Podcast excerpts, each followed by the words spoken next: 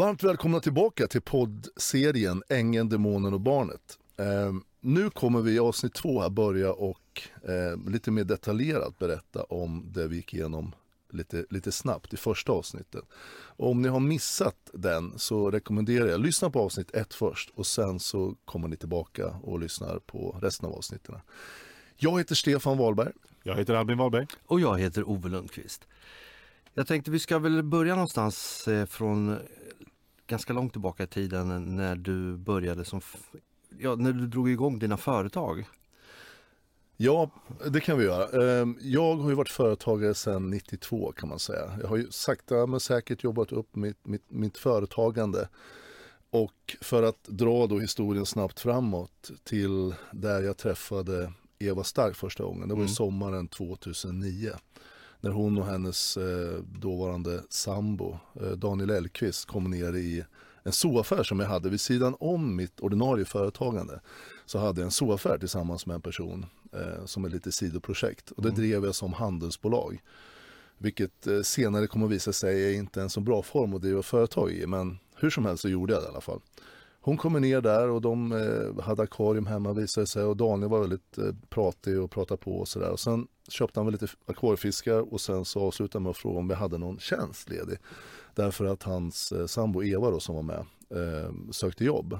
Och redan då så, så märkte jag att eh, det fanns, nu när jag ser i backspegeln, mm. så märkte jag redan då att det fanns vad ska jag kalla det, någon slags spänning. Hon stod lite bakom honom, hon tittade på mig väldigt, väldigt mycket och sådär. Jag antar att redan där så föddes det och planterades det någonting. Eh, vad det nu må vara. Men jag sa att det hade jag, för jag hade min, min andra ordinarie verksamhet så hade precis slutat en, en person. Så att jag hade en tjänst ledig och erbjöd henne att få provanställning. Och det var så egentligen vi började kan man det säga. Det var så umgås. ni träffades? Ja. ja. Men eh, du drev ju akvarieleasing och du höll på med bilar också. Ja, precis. Jag hade ju, mitt företag har sett ut så sedan 92, sen startade egentligen, att jag både haft, jag hyrde ut akvarium till, till företag, till mm. mycket entréer och personalutrymmen och jag sålde och importerade bilar mycket från USA. Mm. Ehm, sådär. Ehm, och ehm, senare kom jag också att ha hand om eh, konstgjorda växter ja, i badhusmiljöer. Så de tre spåren kan man säga att jag hade. Men det jag behövde hjälp med då, det var ju en, en akvarietekniker som åkte runt och skötte akvarierna mm. åt mig. Och, det, där, och där då började Eva. Mm. Eh. Men ni inledde väl ett förhållande ganska snart efter hon hade börjat hos dig? Ja, det som hände först det var att eh, hon var intresserad av tjänsten och, men hon skulle operera sig. Eh, mm. Hon skulle operera ett knä rätt så tätt inpå där. Och sen sa hon att hon var jätte, jätteintresserad av att börja så fort som möjligt efter det. Och och det gjorde hon. Hon opererade så det gick väl en, två månader kanske. Sen började hon jobba. Jag hade ett stort jobb hos en, en, en större kund. Där jag behövde hjälp eh, utöver att hon skulle jobba som akvarietekniker. Där det var mycket nattjobb. Och, eh, men hon sa att hon var jätteintresserad av att haka på där. Och där eh, började vi jobba, vi två då, eh, nattetid. Och det väl, jag märkte rätt så fort att, eh, vad ska man säga, ja, men vi inledde ett förhållande kort sagt, rätt så snabbt gjorde vi. Mm efter bara kanske, vi hade jobbat kanske mellan fem och tio gånger så ja, det ena ger det andra och sådär. Och det fanns en väldigt stark attraktion. Mm. Um, och det var så vårt förhållande började kan man säga. Sen började hon officiellt på papper kan man säga i precis januari 2010 och jobba åt mig som mm. akvarietekniker. Men då hade vi redan börjat inlett förhållandet. Mm. Men när ni hade ju hållit på ett tag så du höll ju på och reste mycket utomlands och även importerade eller skulle börja importera andra grejer också. Ja, ja precis. Jag, eh, jag hade på agendan sedan en tid tillbaka eh, planerat att åka till Kina mm. och importera eh, framförallt håller jag på då, som jag sa, konstgjorda växter. Allt det där görs ju nere i Kina. Mm. Och min idé var då att jag ville åka ner och besöka fabrikerna och se till att de var legita. Så att det inte var till exempel något barnarbete. Så att det var liksom bra. Så jag ville ta av de leverantörerna som var bra. Och då är min, min idé var att åka ner, besöka fabrikerna personligt och sen mm ja, eh, välja ut de som jag vill köpa ifrån. Då. Ja, det eh, och där, vettigt, liksom. där, det gjorde jag, började göra i början av 2010. Eller egentligen sommaren 2010 tror jag första resan var. Och där, eh, där hakade Eva på. Så mm. vi gjorde de här resorna. Då gjorde vi ett antal resor till Kina. Och sen höll jag ju på också med bilimporten fortfarande. Mm. Så det var också resor till USA. Och Hon var, hon var med då också? Ja, hon visade intresse väldigt snabbt. Hon ville väldigt gärna hänga med på det här, på allt jag gjorde mm. egentligen. Mm. Så hon bara hakade på precis allting. Och hon uttryckte ju rätt tidigt en, en liksom vilja att börja och företaga själv, men hon hade ju aldrig gjort det och hon, hon visste ju verkligen ingenting till att börja med. Så hon var ju väldigt sådär hungrig på information och, och jättenyfiken på allting. Och jag tog med henne. Vi hade ju inlett ett förhållande, vi var förälskade, upplevde jag från min sida i alla fall. Mm. Nu efterhand kan man väl fråga sig vilka motiv hon hade. Men jag tror att eh, det var ömsesidigt. Och vi var, vi, vi höll, jag var ju gift och hade familj och hon hade ju sin sambo.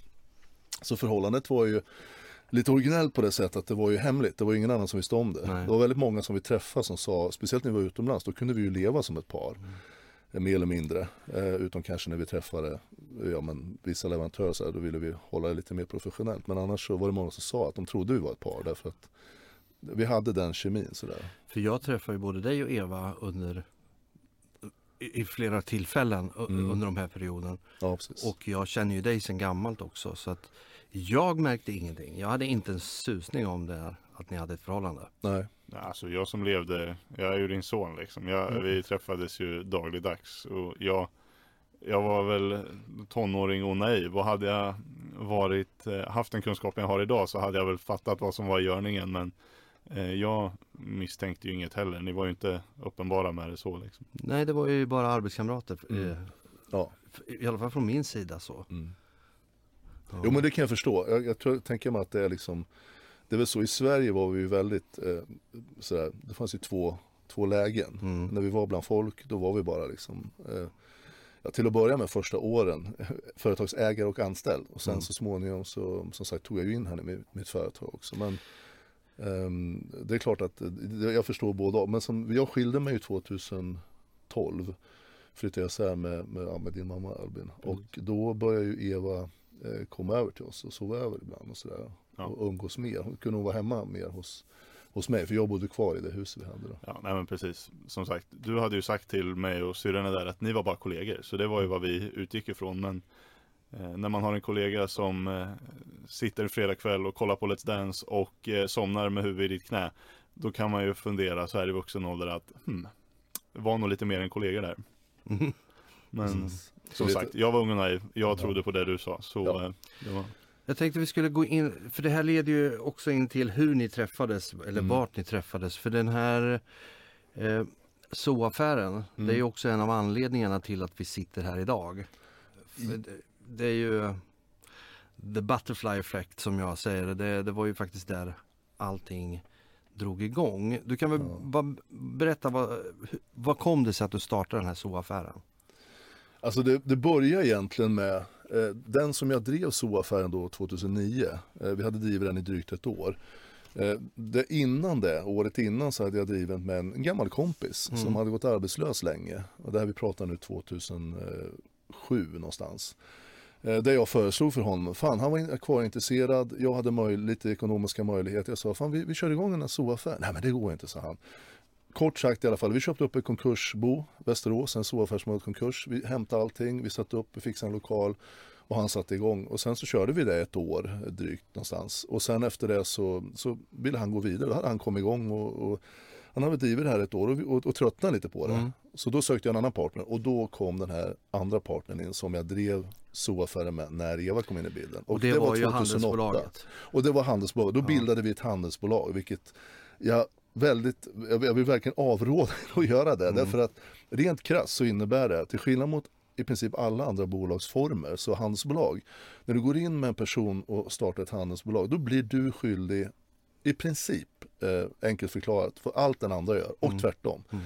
Och skulle den andra balla ur och missköta sig, då blir du lika skyldig som den personen. Så att var väldigt försiktig med att starta handelsbolag. Jag kan väl säga det att handelsbolag, tycker du att du är för god vän med någon, starta handelsbolag tillsammans så kommer det ordna sig jävligt fort. ja, precis. Då, då, då, då, rättar du till det om du inte vill vara ja, god precis. vän längre. Nej, men det är så, så vi gjorde det 2008 och 2009 där på sensommaren, då hade vi drivit det i drygt ett år. Då våran deal var att hon hade ansvar för affären och stå där och hon hade ansvar för bokföringen, den löpande bokföringen. Mm. Och jag hade ansvar för mycket bakom, inköp och marknadsföring och sådär. Och allt i allo liksom hjälpas åt. Det som händer i, i, i slutet av, när hösten tror jag, slutet av 2009 Det är att jag kommer ner till så affären plötsligt en dag. Det är stängt fast vi har öppettider. Och jag ringer och frågar. Då säger hon bara rakt av att nej men jag har tröttnat. Och så hade hon blivit gravid. Jag vill inte göra det här längre. men, men det är lugnt, säger Jag har tagit med mig bokföring. Jag ska göra den färdigt och sen så, så, så rundar vi av. Här. Jaha, okej. Okay. Så är det med en så-affär. Och hon har liksom bara checkat ut. Och dessutom så har hon då ett års bokföring drygt mm. som ska in som är viktigt, för den skulle in då. Mm. Jag tror vi var någon månad senare redan, eh, så att hon, den var liksom tvungen att komma in rätt så snabbt. Men tiden gick och då hade ju då jag träffat Eva, hon hade börjat jobba åt mig i mitt andra företag. Vi jobbar på och jag får inte tag på någon bokföring, den blir inte färdig och hon säger att Ja, jag håller på att jobba med den. Hon har lämnat iväg den till någon gammal revisor som skulle göra färdigt den. Var hon okay. inte pensionerad revisor? Jo, precis. Ja. Säger då min kollega att hon har lämnat bokföringen till. Ja, okej, okay, bra, det låter ju bra. Men vad kan det ta? Ja, max några veckor. Okej, okay, och det här nu pratar vi vintern här 09.10 och sen går tiden. Och Skattemyndigheten börjar undra för att jag försökte då lämna in min vanliga bokföring mm. för mitt, min ordinarie bolag. Men då visste ju de att de var tvungna att ha den här för handelsbolaget också. Då säger de att Nej, men vi vill inte ha bara den, vi vill ha hela. Vi kan inte ta emot bara en del utan du måste lämna in hela bokföringen med mm. handelsbolaget. Mm. Åh fan, och jag, jag, får en kontaktperson på Skattemyndigheten och försöker förklara mitt dilemma. Liksom, att jag har liksom inte kontroll på det. Ja, men du måste, det är det enda sättet vi kan göra det här. Och tiden går. Mm. Och vi, 2010 går, vi börjar resa lite jag och Eva och det här liksom ligger ju och, liksom brummar i bakgrunden att det här från Skatteverket och de börjar sköntaxera mig. Vi kommer in i 2011 och 2012, då liksom börjar jag inse att, och det är fortfarande, hon svarar nu inte min före detta kollega i handelsbolaget. Mm. Och jag inser att det här är ju liksom, det är katastrof. Alltså, tänk dig själv, jag får inte lämna in min, min från ena bolaget, Nej. bokföringen, därför att den är inte komplett. De säger, det är inget du lämnar in den, vi vill inte ha den, utan du måste få in den även handelsbolaget, för jag hade enskild firma då. Och enskild firma är ju samma som handelsbolag. Mm. Så att den liksom gick ju tillsammans ja, vet, med min ordinarie ja. bokföring. Och 2012 började jag ana att det här, det här, det här kommer ju inte funka. Alltså, jag får inte ta på bokföringen, jag får inte lämna in den ordinarie bokföringen, utan de måste ha allt. Alltså jag, jag, det här är ju bokföringsbrott, det förstod jag ju. Mm. Men jag, sitter, jag har ingen makt att göra någonting åt det själv. Så i slutet av 2012, då, då förstår jag att det här kommer ju liksom inte hålla. Jag, jag sitter i som en rävsax som jag inte kan komma ur. Annat än jag tänker att jag får bilda ett nytt bolag, ett aktiebolag.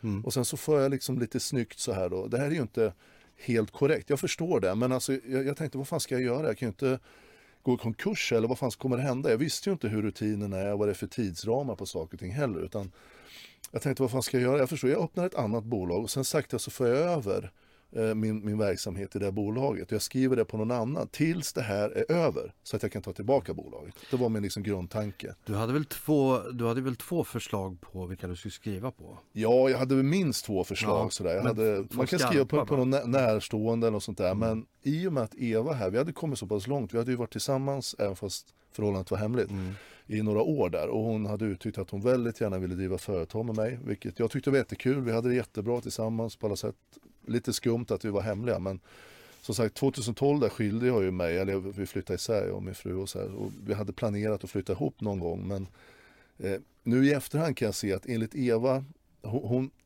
historien hon gav till mig angående hennes sambo då, som hon mm. fortfarande bodde tillsammans med var att liksom de, det var inte riktigt rätt läge för henne att flytta isär. Och, så. och de var, hade egentligen inget förhållande, sa hon till mig, utan de var mer bara kompisar. Men de, hon, hon hade väldigt stor respekt för dem, för var, de var vänner också, väldigt mm. nära vänner. Så hon, hon liksom ville vänta till rätt läge och, och tiden går på. Så i efterhand kan man ju ifrågasätta det säkert, men det var, det var så det var i alla fall. Men mitt förslag som jag presenterade för Eva, det var att hon skulle då stå för bolaget. Och då tänkte jag att nu är det läge liksom att bjuda in henne som delägare i bolaget. Du får hälften av mitt bolag mm. mot att du står som ägare och sen kör vi tillsammans. Mm. Och då när jag presenterade, jag kommer ihåg hon var så glad så hon, hon grät faktiskt, hon mm. fick tårar i ögonen och tyckte det var jättekul. Hon berättade då för Daniel, lite märkligt, men, och han var jätteglad för hennes skull och sådär. Han visste ju inte om vårt förhållande, men han var jätteglad för hennes skull. Och, för han visste ju hur mycket hon hade pratat om och var egen företagare. Det var hennes stora dröm. Sådär.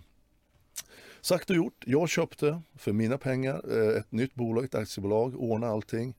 Men jag skrev det då på Eva eh, och eh, plötsligt så stod ju hon då, vilket jag inte tyckte var något märkvärdigt då. Nej. För allt, allt jag hade byggt upp, allt, allt företagande, vi flyttade över alla bankkonton och allting och alla fakturor, allt gick in på, på det bolaget, INT Group hette det bolaget. Och jag såg liksom inga problem då. För, mm. för då hade, fram tills dess hade Eva inte varit något annat än superlojal. Alltså verkligen att visa att hon det var mig liksom. Mm. Eh, Det var hon och jag, punkt slut. Eh, Vi skojar väldigt ofta om att vi efter det här hade delad ekonomi också, för det kan man säga nästan att vi hade.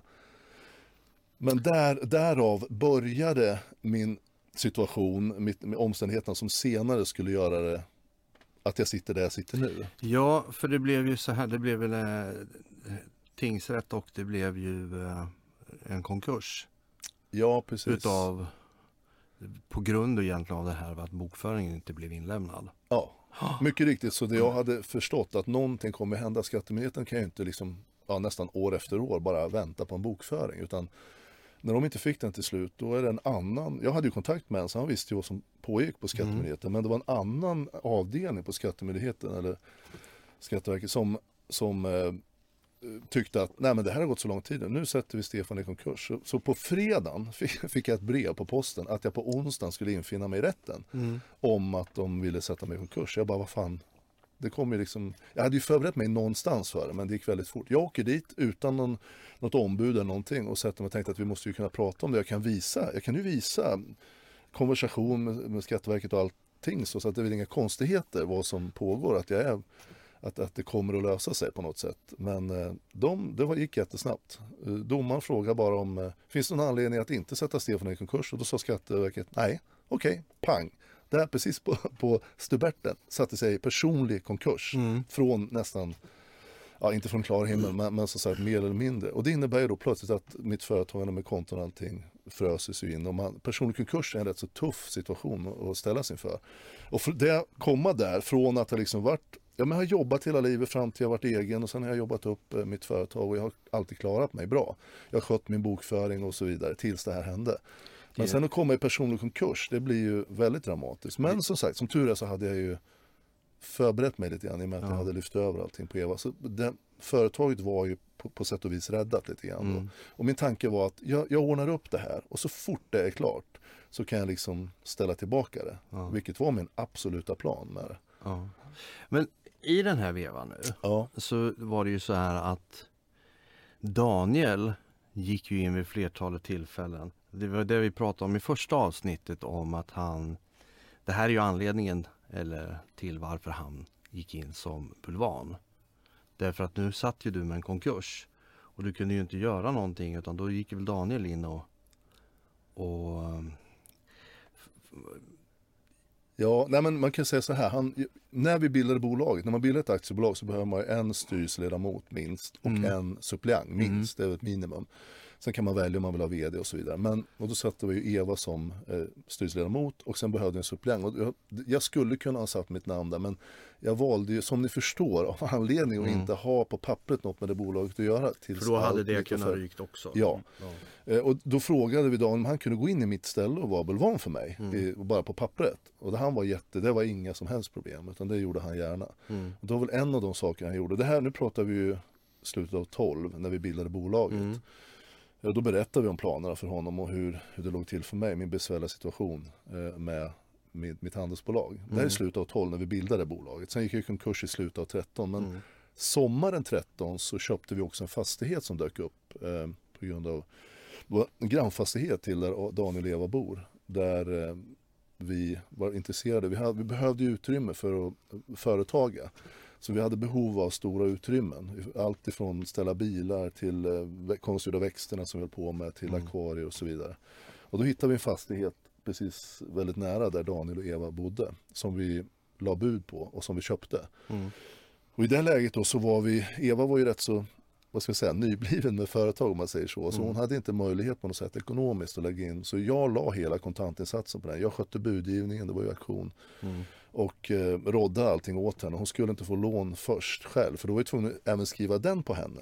Är du med? För hade du skrivit den på mig, jag möjligtvis hade gått konkurs, då hade de ju Då hade de tagit med. Så fastigheten. att då, då fick vi liksom lösa det så att den fick stå på henne. Men hon fick inte ta den själv. Och då följde jag med till banken och hjälpte henne att spåna med bankkontakterna hur vi kunde lösa det. Och då nämnde vi att Daniel, för jag hade frågat honom innan, han var beredd att gå in i mitt Som ställe som bulvan där också i fastigheten. Och var jobbade han som polis då eller var, Ja. utbildade han sig till polis? 2013 så jobbade han som han som polis.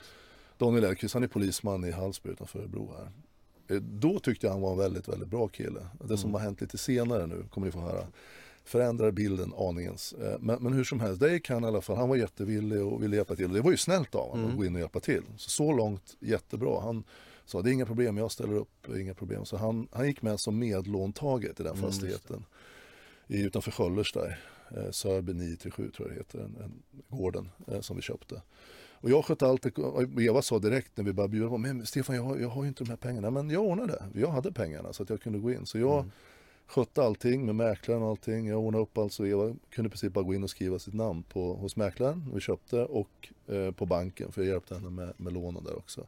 Och sen betalade jag hela handpenningen. Så hon betalade absolut ingenting på den. Men, men det var helt okej, jag hade inga problem alls med det. För det var en bra fastighet jag såg att det här var, det var ett bra köp oavsett vad vi skulle göra med den i Ja, framtiden. men om man tänker situationen som det var då. Du hade ju ett jätteförtroende för Eva. Ni hade ju ett förhållande.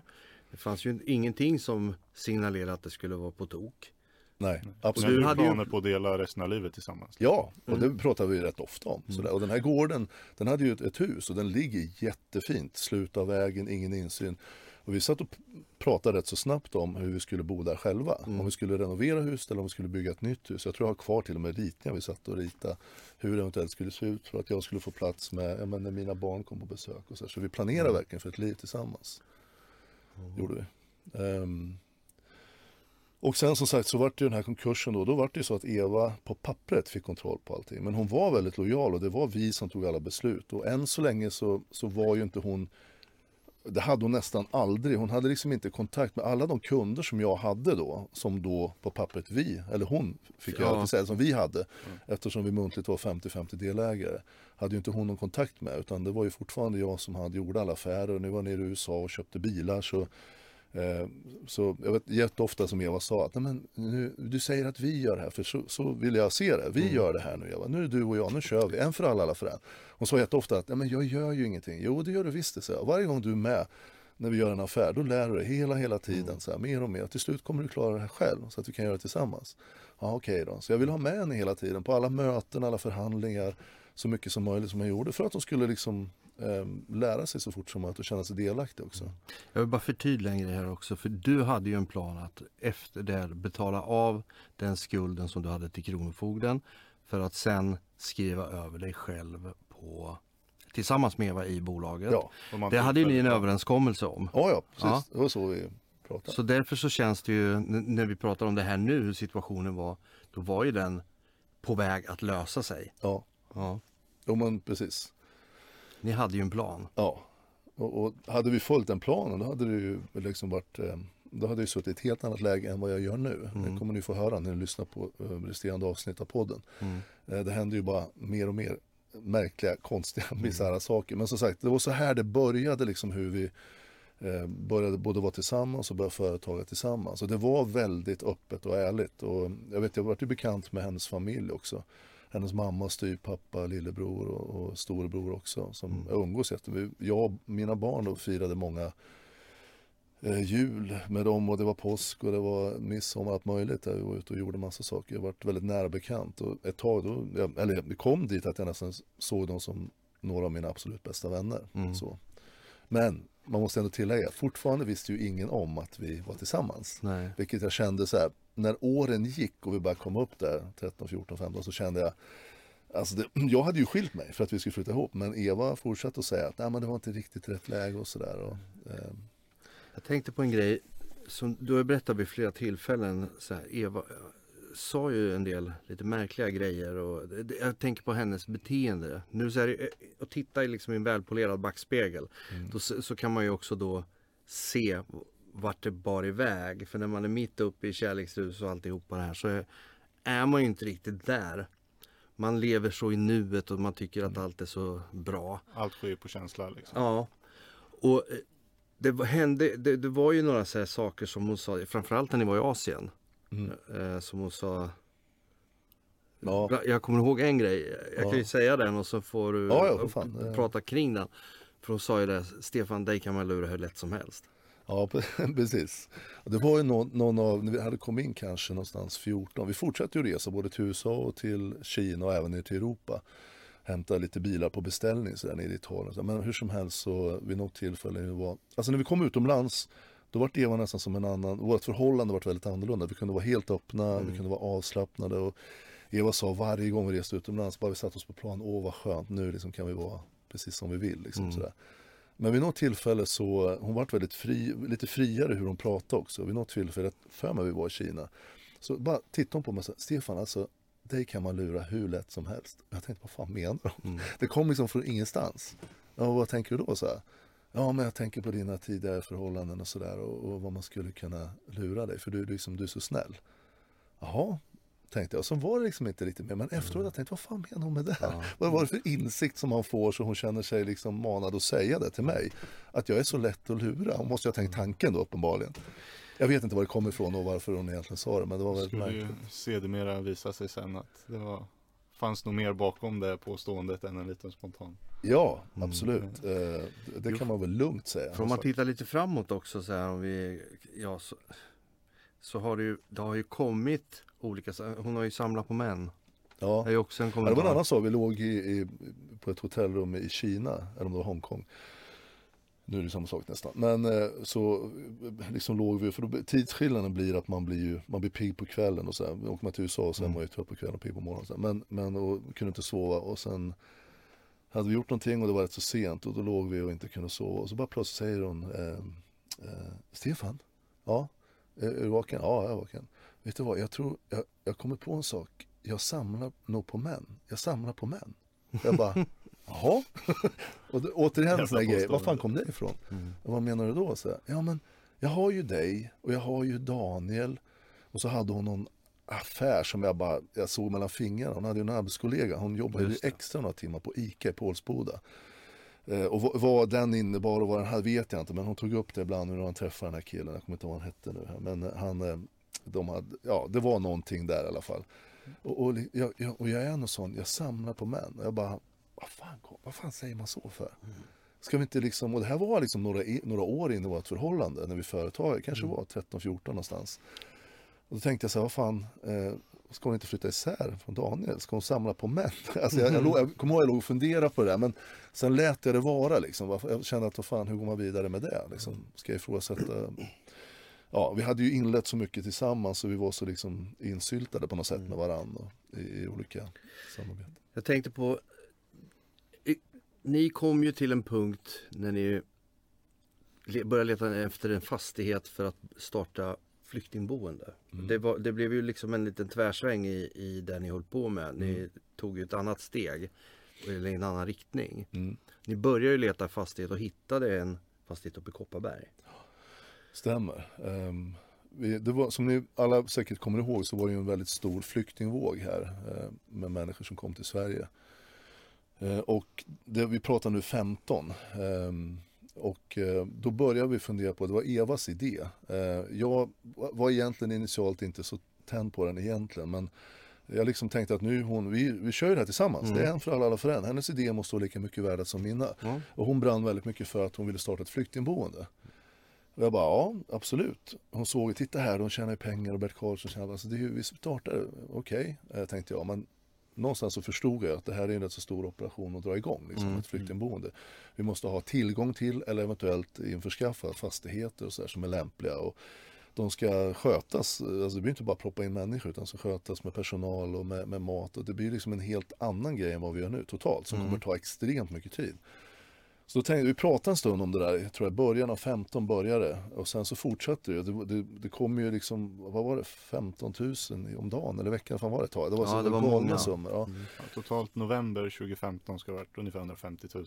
Ja, och, och de, de siffrorna, det är klart att man förstår att någon måste ju eh, härbärgera dem på något sätt. Så det är Mm. klart att det, det kommer, och jag, man kunde enkelt se då hur, hur man ploppade upp många sådana här hem som, som hade flyktingar. Eh, och, eh, och jag tänkte väl okej, vi, vi, vi provar idén. Och då sa jag, då måste vi skaffa, vi tittar på någon fastighet och sen så bollar vi med tanken. Mm. Så vi kan få runt det. Så vi var runt och tittade och det kom sig till att vi hittade lämpliga fastigheter uppe i Kopparberg, Mm. det är åtta mil från Örebro. För jag kände så här, ska vi köpa fastigheter då vill jag inte bara ha fastigheter som kan funka som, funka som flyktingboende, migrationsboende, utan jag vill kunna göra någonting efter. För jag förstod, jag kände bara instinktivt att det här, kommer ju, den här vågen kommer inte fortsätta. Nej. Och så går Sverige under därför att vi klarar inte det här. Eller så eh, liksom, eh, det, det kommer hända någonting, alltså Mm. blir det stopp. Och mycket riktigt så vart det ju det till slut. Men Mm. nu pratar vi slut av 15 här. Då hittar vi ett par fastigheter på Kopparberg som som liksom uppfyllde mina krav, eller så här, mina eh, kriterier. Vi skulle kunna ha flyktingboende och vi skulle kunna ha någon annan verksamhet också. Mm. För det var liksom två större hus på ungefär grovt sett 300 kvadratmeter styck. Varav det ena huset var två stora lägenheter och det andra skulle man kunna göra till en stor, liksom, eh, Mm. jättestor lägenhet med 10-12 sovrum. Vilket då skulle kunna funka. Mm. Och vi skulle kunna, även kunna hyra ut och till exempel ha någon behandlingsboende, vilket vi också pratade om efteråt, Mm. efter den här flyktingvågen liksom sinade ut. Sagt och gjort, vi köpte dem där. Vi hade möjligheten då i företaget, vi hade fått in ett bra med pengar så vi, ja, vi köpte fastigheterna, vi renoverade dem för, jag räknar på, att vi la ut långt över miljonen i alla fall Mm. på det. Och vi jobbade som dårar, för att de var inte färdiga liksom för att användas de här fastigheterna, utan de var, det var väldigt mycket jobb med dem. Men vi gjorde det i alla fall, började i slutet av 2015 och vi jobbar verkligen som dårar, framförallt Mm. jag och Daniel, Mm. hennes dåvarande, fortfarande dåvarande sambo. Eh, märkligt nog, men, men vi, liksom, ja, vi måste få till det, nu har vi satt den här båten i sjön, nu har vi köpt fastigheterna, nu måste vi ösa på. Liksom. Mm. Så, vi, så vi jobbade som fan och Eva, eh, en lite mindre kvinna så här, det var väl inte direkt liksom, ja, hon var inte med på något sätt att att renovera utan hon, hon gjorde väl annat sådär kan man säga och eh, skötte väl lite andra kunder, så här, akvariekunder och sådär. Men eh, det sig inte bättre än att Eva skulle, skulle åka på mitt när vi höll på att renovera som mest. Jag och Daniel och även hennes bror heter också Mm. Daniel. Eh, han var med så vi körde som fan och sen tog vi lite hjälp av, av några och sådär. Och man skulle ju koppla upp brandskydd och det var, vi var och hämtade stegar, stora stegar för det var tvåvåningshus som man skulle kunna Ja, utrymma och sådär. Eh, men mitt uppe i alltihopa där så drar Eva iväg på några veckors sån här eh, kryssning med, med hennes familj. Hennes mamma, styvpappa, lillebror och mormor och morfar ner till Karibien. Mm. Och då, då hade vi hade vi kontakt med Migrationsverket och väntade besked från dem på olika steg då, att vi skulle bli godkända och sådär.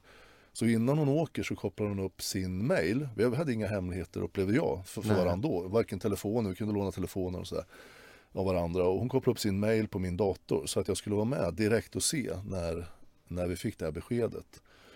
Hur som helst så åker hon ner och eh, väldigt sådär varma sms och kommunikation. Hon berättar hur mycket hon saknar mig och, så där, och hur mycket jag betyder för henne. Så väldigt varmt. Så. Men och sen försvinner hon plötsligt. Andra veckan då åkte de ut på Karibienkryssning. Så försvinner hon i tre dagar. Jag hör ingenting från henne trots att de lägger till vid olika städer och sådär.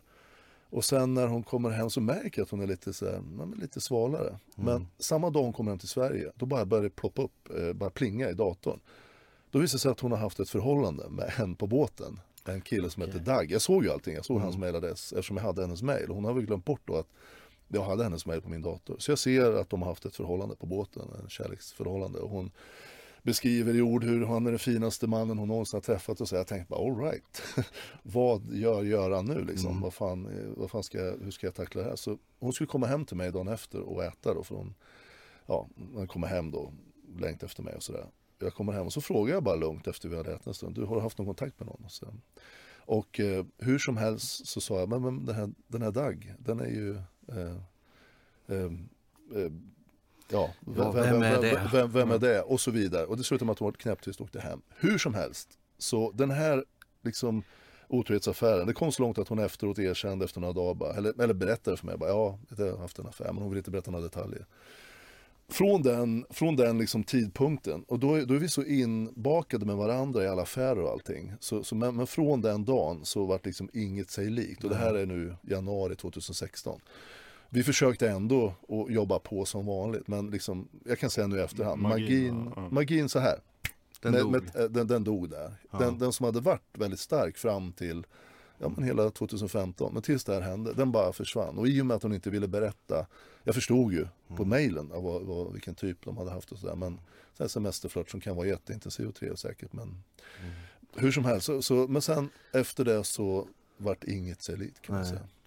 Jag tänker så här att vi ska väl avrunda här men jag kan väl säga så att eh, det blev ju aldrig någon, något, någon flyktingförläggning utan det blev någonting annat.